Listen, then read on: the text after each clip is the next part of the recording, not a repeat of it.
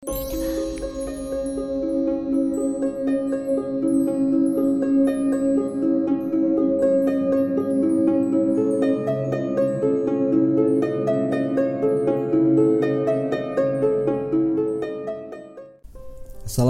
warahmatullahi wabarakatuh. Salam sejahtera, Om Swastiastu, Namo Buddhaya Salam kebajikan Kembali lagi seperti biasa Saya Denny dari Rumah Horor Indonesia Akan membacakan sebuah cerita horor di malam ini. Kisah horor kali ini mengambil judul Hantu di Asrama Perempuan. Begini kisah lengkapnya. Sebelum para mahasiswa dihebohkan dengan kisah cerita hantu seram di asrama perempuan milik Pak Narto, beliau dulunya menjadi orang terkaya di kampungnya. Namun perlahan kekayaannya habis terjual karena kejadian yang menggegerkan para mahasiswa yang mengontrak di asramanya. Peristiwa ini memang menjadi tamparan sekaligus musibah bagi Pak Narto dan keluarga. Pasalnya, beliau sebagai seorang pensiunan PNS benar-benar mengandalkan penghasilan dari asrama tersebut. Gedung asrama milik Pak Narto kini terlihat sangat seram. Terlebih semenjak setahun yang lalu ketika beliau jatuh sakit dan tak lagi bisa bersih-bersih di asramanya. Kini gedung yang dulunya menjadi asrama favorit bagi para mahasiswa baru di salah satu perguruan tinggi swasta tersebut sama sekali tak ada penghuninya. Bangunan megah itu seolah terlihat sangat tua seiring memudarnya cat dinding bangunan. Selain karena tidak terawatnya bangunan, para mahasiswa penghuni asrama memilih hengkang dari tempat tersebut karena banyak di antaranya mengalami kisah seram di asrama perempuan itu.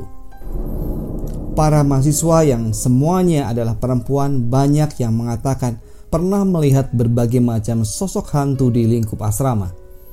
Sosok makhluk halus yang kerap menampakkan diri biasanya berwujud seorang perempuan seperti kuntilanak, pocong yang bergelantungan di atas pintu kamar mandi, sosok anak kecil berwajah pucat, sosok lelaki dengan kaki buntung dan lain sebagainya. Salah satu kejadian yang paling menyeramkan pernah dialami oleh Diana. Meskipun ia telah beberapa kali melihat penampakan sosok kuntilanak di lorong tengah, namun peristiwa kali ini membuat Diana benar-benar takut bahkan pingsan tak sadarkan diri. Cerita yang dialami oleh Diana bermula sewaktu ia pulang dari kegiatan ekstra di kampusnya, yaitu ekstra seni tari. Sekitar pukul 10 malam waktu setempat, Diana diantar pulang oleh temannya sampai ke depan pintu gerbang asrama. Perasaan merinding dan takut memang sedikit dirasakan oleh Diana terlebih semenjak penampakan kuntilanak beberapa waktu sebelumnya. Dia jadi sering bengong dan melamun.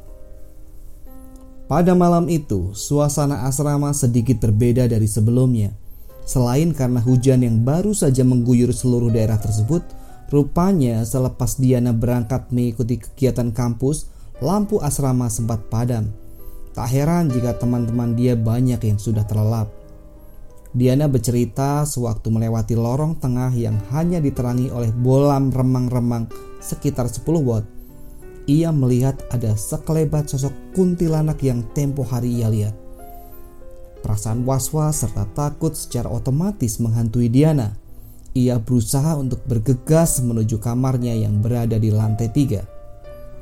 Namun, sewaktu ia menaiki tangga, di sebelah lorong yang berbatasan langsung dengan pekarangan belakang, seolah matanya tertuju di salah satu pucuk pohon pisang. Naas, dia kembali melihat penampakan menyeramkan. Kali ini bukan sekedar kuntilanak, akan tetapi ia melihat sosok hantu pocong berada di ujung daun pisang. Saking takutnya, Diana menjerit hingga pingsan sampai-sampai helm yang ia tenteng terjatuh dan membangunkan seluruh penghuni asrama. Setelah Diana siuman, baru dia bisa bercerita perihal apa yang barusan dialaminya. Semenjak itu Diana memilih untuk pindah ke sebuah asrama perempuan yang letaknya tak jauh dari kampusnya. Tak hanya Diana yang menjadi korban kejahilan lelembut penghuni asrama perempuan milik Pak Narto itu. Beberapa teman lain juga mengalami hal serupa setelah kejadian pertama yang dialami oleh Diana. Secara perlahan pula, seluruh mahasiswi memilih meninggalkan asrama Pak Narto untuk pindah ke tempat lain. Meskipun Pak Narto sudah berusaha membujuk mereka dengan berbagai cara, termasuk memberikan diskon biaya asrama, namun rupanya ketentraman dan kenyamanan menjadi pilihan utama para mahasiswi tersebut. Hingga akhirnya cerita tentang hantu seram di asrama perempuan itu berdampak pada penghuni asrama yang tidak lagi mau tinggal di sana. Oke, itu kisah horor untuk malam ini. Terima kasih sudah mendengarkan sampai selesai. Sampai bertemu lagi di cerita selanjutnya. Wassalamualaikum warahmatullahi wabarakatuh. Salam sejahtera, Om Swastiastu, Namo Buddhaya, Salam Kebajikan.